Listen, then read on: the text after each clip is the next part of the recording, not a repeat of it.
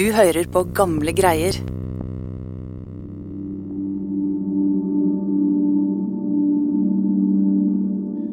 I ei kirke i Istanbul i år 1604 så skjedde noe forunderlig.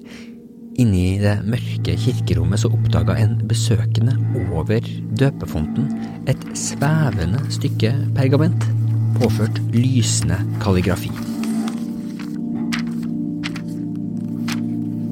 For den som forsøkte å gripe etter det her brevet, så for det unna og lukka seg.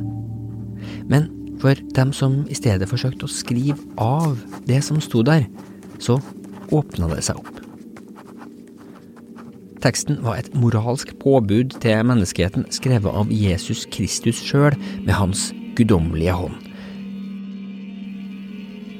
Eller strengt tatt, det var et trusselbrev fra Vår Herre.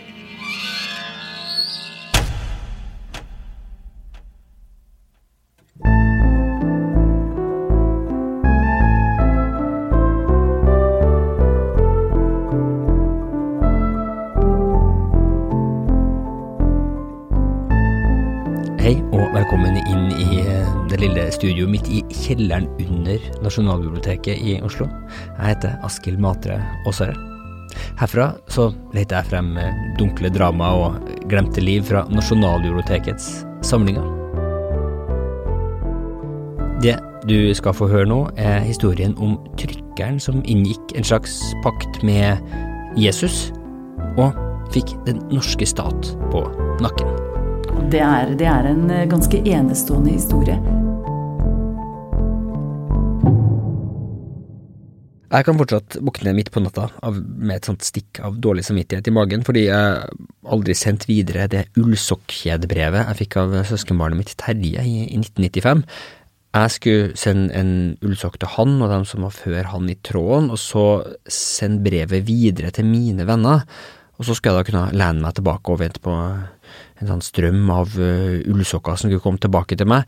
Jeg er litt usikker på hva vi skulle gjøre med alle de her sokkene, men jeg brøt altså den her uh, lenka og velta i hele det her uh, underlige byggverket. Og jeg er nok ikke den eneste som har kjent på kjedebrevene sin sånn knugende kraft. Det var en lignende delelogikk trykkeren Jakob Wulfsberg ville slenge seg på i 1853. Han var sønn av Nils Wulfsberg, mannen som grunnla Morgenbladet. Sammen med faren sin så hadde Jakob grunnlagt det som kom til å bli Drammens Tidende, men han drev også med mindre høyverdige aktiviteter. En dag dette året så fikk Wulfsberg besøk av en 26 år gammel kremmer ved navnet Brannevold. Han hadde reist sørover, passert forbi Lillehammer, og han hadde kommet over et brev han gjerne ville ha mangfoldiggjort. Wulfsberg beholdt noen av brevene sjøl, som han kunne selge utenfor sin egen bokhandel i Kvadraturen i Kristiania. Det var et såkalt himmelbrev, ikke så ulikt det som skal ha svevd over døpefonten i Istanbul. Himmelbrevene var tekster som ga seg ut for å være guddommelige, og som ble kopiert og spredd som en slags sånn tidlig viral teknologi, et meme i ordets originale betydning, som utnytta hvor lett det er å få oss mennesker til å dele og spre ei melding. Himmelbrevene de brakte med seg djup trøst, vil en kanskje tro, og kanskje like djup redsel for dem som trodde på dem. Den besto av et enkelt oppsett, en intro som lova tekstens autentisitet. Her ga forskjellige himmelbrev ulike forklaringer på hvor de kom ifra. De kunne være funnet over døpefonten i Miklagard, eller levert av engelen Mikael til en mann ved navn Just, eller vist seg svevende over et jorde utenfor København, syndens pøl. Men etter denne introen så har alle brevene noen enkle beskjeder fra Jesus som forblir forbausende lik, nesten ordrett, fra brev til brev og på kryss og tvers av Europa. Det er ganske klassiske påbud, hold hviledagen hellig, lev et kyskt liv, men det som har gjort at brevene har overlevd, er de harde kravene som stilles til dem som får et sånt brev i hende. Du skal tro på det, du skal vise det frem, og du skal dele det. Dette brevet skal den ene efter den andre utskrive. Og om dere har bedrevet så mange synder som sand i havet, som gress på jorden, som løv på trærne og som stjerner på himmelen, da skal det være dere tilgitt. Men følger du ikke påbudene, så kan det komme grusomme straffer. Den som har dette brevet og ikke åpenbarer det, han er forbannet fra den kristelige kirken og forlatt av min aller som mektigste hånd. Omvend dere, ellers skal dere finnes i helvete til evig tid. Det advares om at jorda kommer til å gå under om ni år, om at mødre kommer til å spise barna sine. Ikke rart at folk fant det for godt å spre teksten videre om de kunne. Himmelbrev, sånne som det Jakob Wulfsberg trykte opp og solgte utenfor sin bokhandel i Kristiania sentrum i 1853, er en del av en hel klasse med trykksaker og litteratur som ofte er glemt i dag, men som i sin tid var noe av det aller mest verdifulle trykkere drev med. Det som ofte kalles den lille litteraturen. Den lille litteraturen er uh, egentlig det er små tekster for et stort publikum. Uh, så det er jo ikke en sjanger, men det er som en hel sfære som finnes under uh, det etablerte litterære livet, da. Der er forlagsredaktør Trygve Riser Gundersen, en idehistoriker som spesielt har interessert seg for denne på mange måter glemte delen av norsk og europeisk litteraturhistorie. Den lille litteraturen, det er viser og bønnebøker, nyhetsbrev, enkle små papirplakater som skulle henges opp på veggen, fortellinger, det er almanakker og det er himmelbrev. Og de her tingene de har egentlig mest det til felles at de sikter seg inn mot et folkelig publikum. Veksten i denne forsvunne delen av litteraturhistorien kan vi spore tilbake til den teknologiske revolusjonen i trykkekunsten. Når trykkeindustrien kommer i Europa, det som eksploderer da, det er ikke vanlige bøker. Bøker har man i og for seg produsert hele tiden. Det blir ikke nok mange flere av dem. Men det som er nytt med trykkulturen, det er alle de små formatene. Det var mm, ofte mye mer eh, lukrativt å selge dem enn mer høyverdige trykksaker, som Ludvig Holberg lar Arianke, boktrykker, si det i komedien sin Barselstuen i 1723.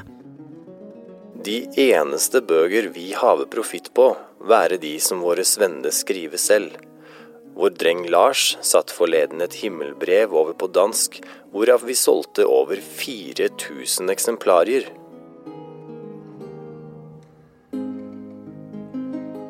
Og det er en ren kommersiell produksjon.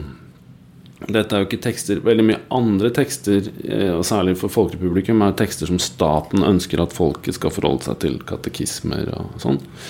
Eh, men dette produseres jo kun fordi noen skal tjene penger på det. Ehm, så det, det, betyr jo også at det produseres for å tilfredsstille et behov. Og det fascinerende med denne lille litteraturen er at den ofte blander sammen det som ellers skilles fra hverandre som høy og lav kultur. Folk eh, har sittet i stuene sine og lest billige utgaver av antikke romaner fra Hellas og religiøse tekster fra Egypt på 200-tallet og forkorta versjoner av ridderromaner og Don Quijote sammen med himmelbrev og eventyr og profetier, alt om hverandre. Men måten en ofte har sett på litteraturen på, mener jeg, Risi Gundersen, den høye, skriftlige, boklige og den lave, muntlige, folkelige, det har gjort at den lille litteraturen, de her trykksakene, har falt mellom sprekkene. Og det har gitt oss et feil bilde av hva folkekulturen var, tenker jeg. Så egentlig er dette jeg tenker, en kjempeviktige kulturprodukter som har hatt stor betydning for norsk kultur, men som vi vet veldig lite om i dag. Denne typen objekter, altså, de var vanskelig å få sensurert. Og de kunne trykkes og de kunne selges. Man kunne bære de med seg, man kunne selge de på torvet. Eh, og man kunne lett kopiere dem videre. Altså, det var jo ikke dyrt. Men da trykker Jakob Wulfsberg, en kyndig kopierer og distributør av lesestoff til allmuen, trykte opp himmelbrevet han fikk i 1853, så fikk han ufrivillig de høyere sjikt i samfunnet til å begynne å bry seg om akkurat denne typen liten litteratur.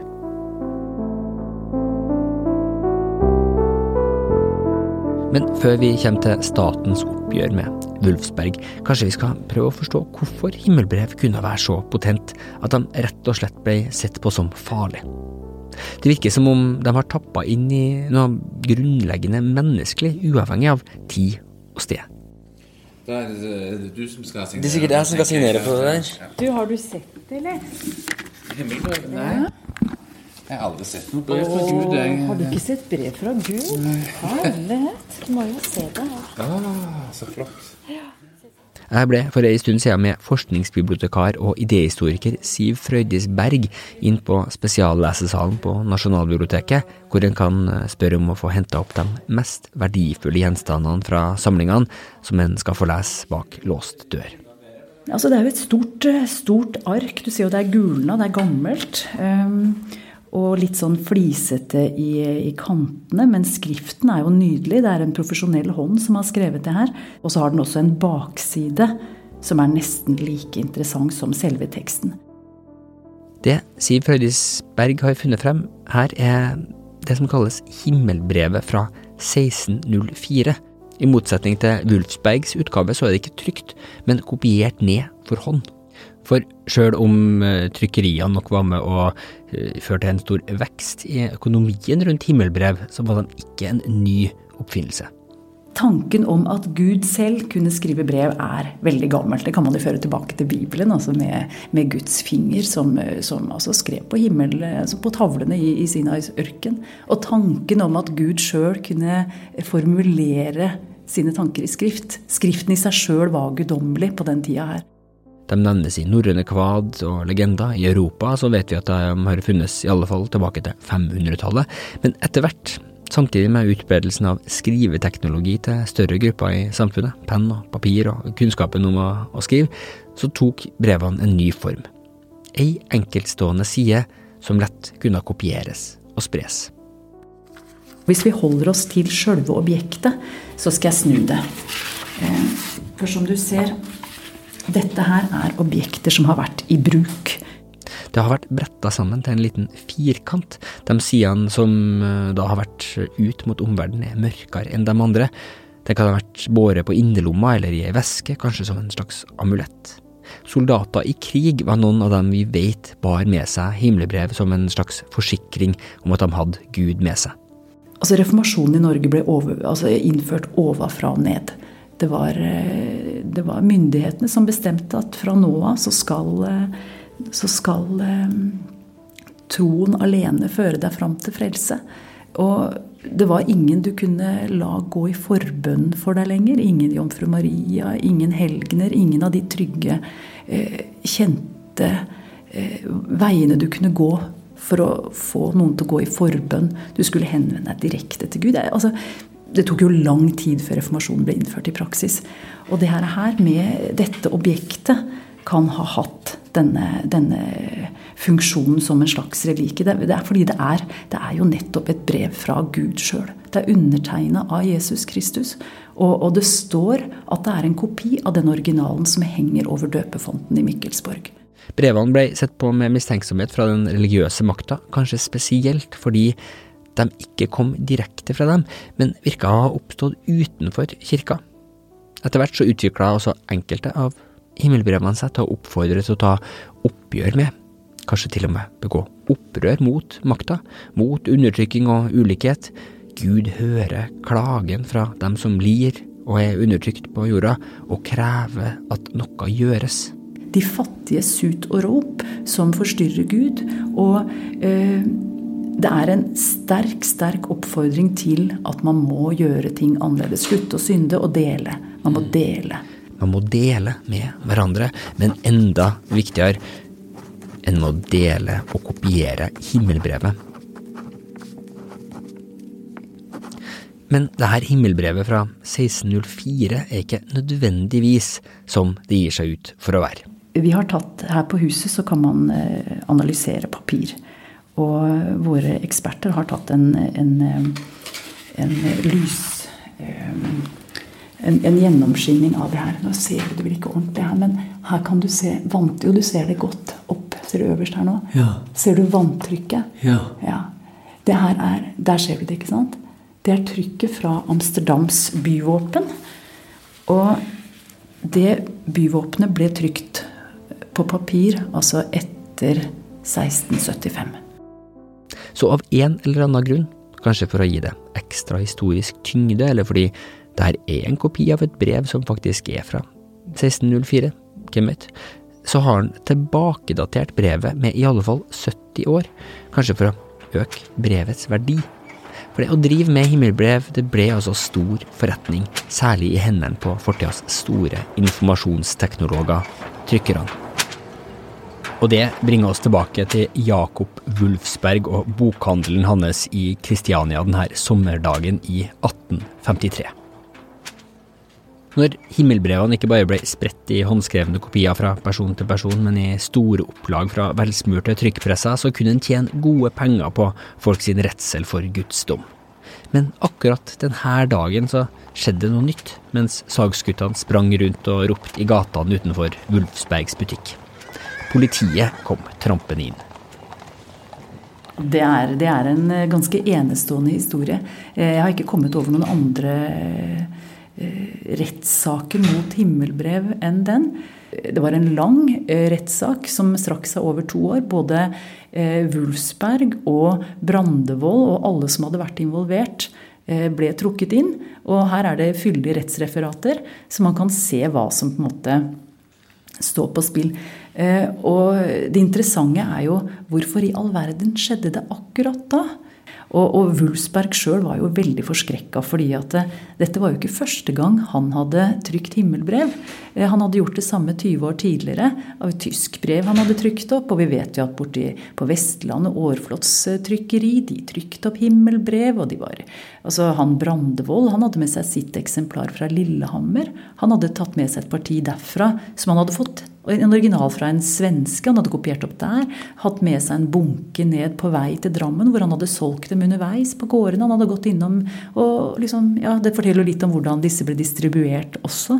Gikk fra dør til dør på gården, og så kjøpte folk himmelbrev og syntes det var artig. Eller trodde på det, eller hva veit vi. Men noe nytt hadde kommet til Norge på denne tida, som gjorde at det å tjene penger på andres redsel for å dø en grusom død og miste sine kjære, kom i et annet. Jeg tror eh, det kan ha sammenheng med eh, koleraepidemiene. I 1832 så ble Norge første gang ramma av epidemien, og i 1833 så kom sykdommen fra Drammen og til Kristiania og ramma spesielt de fattige bydelene i, i byen. Tusenvis strøk med på grusomt vis, både der og etter hvert i store deler av landet.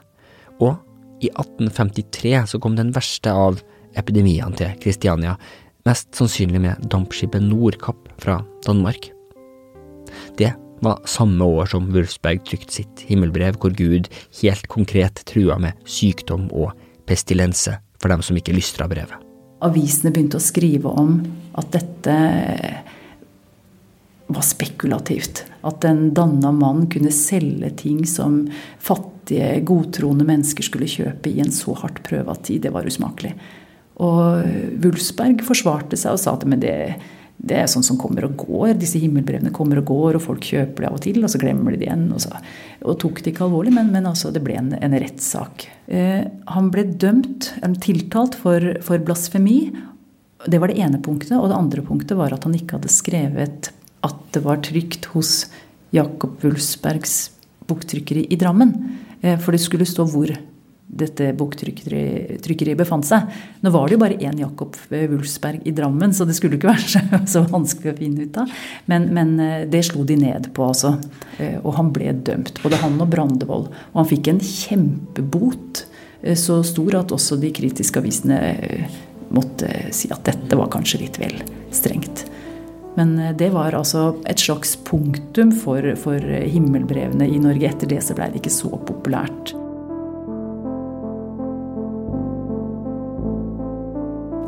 Kanskje ikke pga. av Jakob Wulfsberg, men omtrent samtidig så begynte den lille litteraturens æra mer generelt å gå mot slutten. Etter flere hundre år hvor den hadde vært, om ikke uforandra, så iallfall veldig konsekvent og lik seg sjøl. I prinsippet snakker vi om at vi har nesten jeg sier i hvert fall 300 år da, hvor en type folkelesning har holdt seg veldig stabil, og hvor det har vært de samme bøkene som har fungert som bestselgere for et folkelig publikum i Danmark-Norge. Men trykketeknologien blir rett og slett så avansert at en begynner å produsere nye folkelige produkter som ikke ligner helt på den gamle, lille litteraturen. Du får uh, igjen trykketeknologiske forandringer, mye billigere papir, muligheter for å masseprodusere trykk på en helt annen måte enn før. Sånn at det som har vært triviallitteratur, underholdningslitteratur, erstattes av en hel masse andre nye sjangre, illustrerte nyhetsblader og kioskromaner og sånne ting, som er morsommere å lese. Eh, sånn at dette på et eller annet plan blir gammeldags og sånn sett dør ut. da.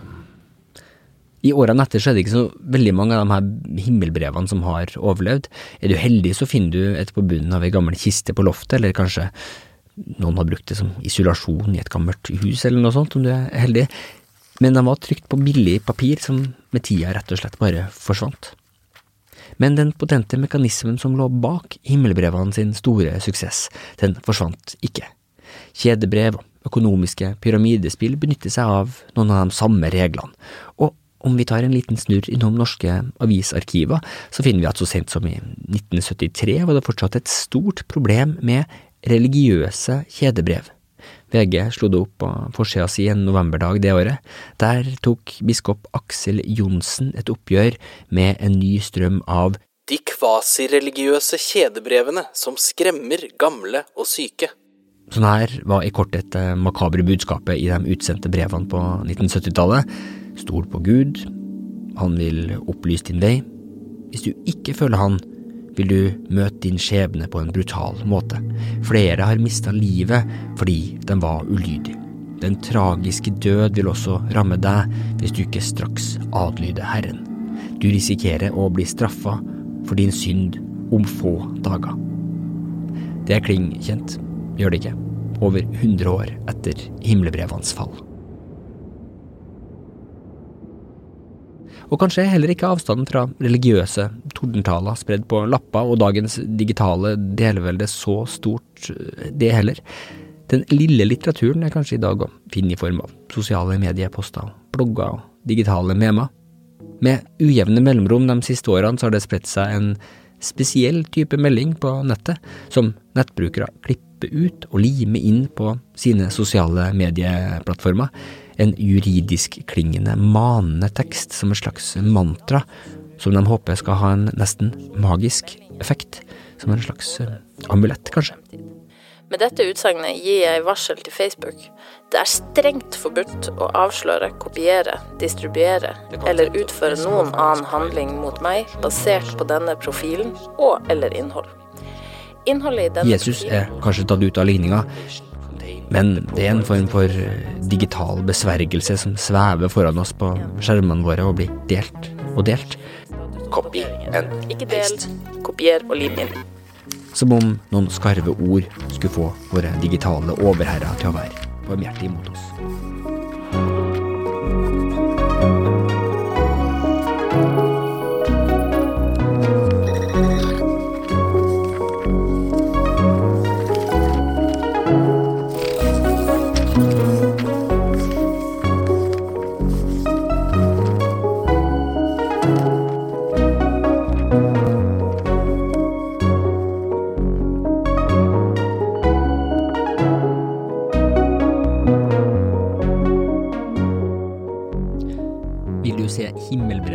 1604 med dine egne øyne, så kan du gjøre det nå om du kommer på utstillinga Opplyst, Nasjonalbiblioteket sin nye permanentutstilling, som faktisk åpner den dagen den podkasten her kommer ut på Nasjonalbiblioteket på Solli plass i eh, Oslo. Vil du lese mer om himmelbrevenes historie, så vil jeg virkelig anbefale Siv Frøydis Berg sin artikkel i boka Litterære verdensborgere. Himmelbrev i reproduksjons tidsalder, heter artikkelen hennes. Så vil jeg også anbefale Helge Paulsens artikkel Himmelbrevene fra Norsk Arkivforum, og også religions- og bokhistoriker Gina Dahl sin artikkel på arkivverket.no. Himmelbrev i Arkivverket etter den. Musikken som du hører i bakgrunnen nå, den er spesialkomponert for denne podkastserien av Therese Aune. Om du som meg liker den musikken veldig godt, så kan du finne mer av hennes musikk på din lokale strømmetjeneste, og om du går inn på thereseaune.com. Stemmen til Jesus Kristus, det var selvsagt Bjørn Floberg. Stemmene som leste fra Holberg, som var biskopen i VG-artikkelen, og den virale Facebook-posten, det var henholdsvis Jørn Arild Grefsrud, Ola Innseth og Inger Marie Aarseth Lypton. Gamle greier det er en podkast laga av Nasjonalbiblioteket, og liker du denne podkasten, så vil du altså også like NB Arrangement, hvor du kan høre opptak fra Nasjonalbiblioteket sine arrangementer. Den finner du i den podkasttjenesten du bruker. Redaktør for Gamle greier, det er Ida Berntsen. Jeg heter Askild Matre Aasare. Og du, om du liker det du hører her, så fortell veldig gjerne venner og familie om oss. Vi høres.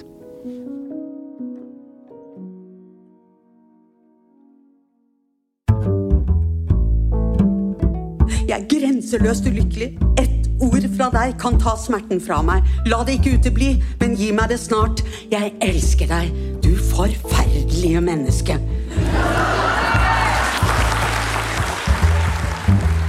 Podkasten NB Arrangement er en stor og stadig voksende samling av arrangementer vi har hatt på Nasjonalbiblioteket. Her skal du få noen smakebiter. Denne teorien om at alle sivilisasjoner må av historiske, naturmessige årsaker kollapse. Før eller siden. Kveldens brev fra arkivene er ikke skrevet i sinne, men i bekymring og sorg. Dypt personlige historier fra mennesker som kom før oss. Jeg ville så gjerne ha skrevet om stormannsgalskap og høyspent dyrkelse av det såkalte åndsmennesket, og også kunstneren med stor K, men det fikk jeg ikke plass til i kveld, og det er klart at det må bli et fremtidig foredrag.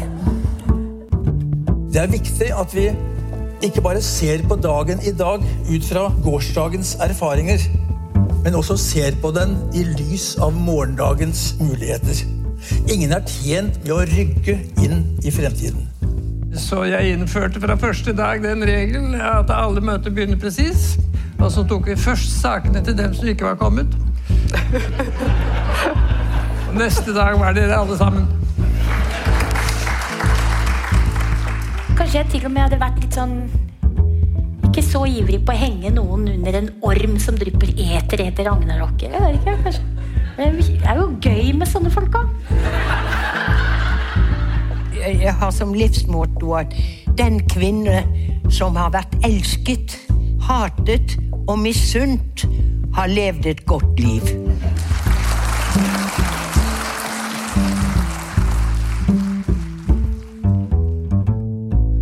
De her arrangementene og mye mer det finner du altså i podkasten NB Arrangement.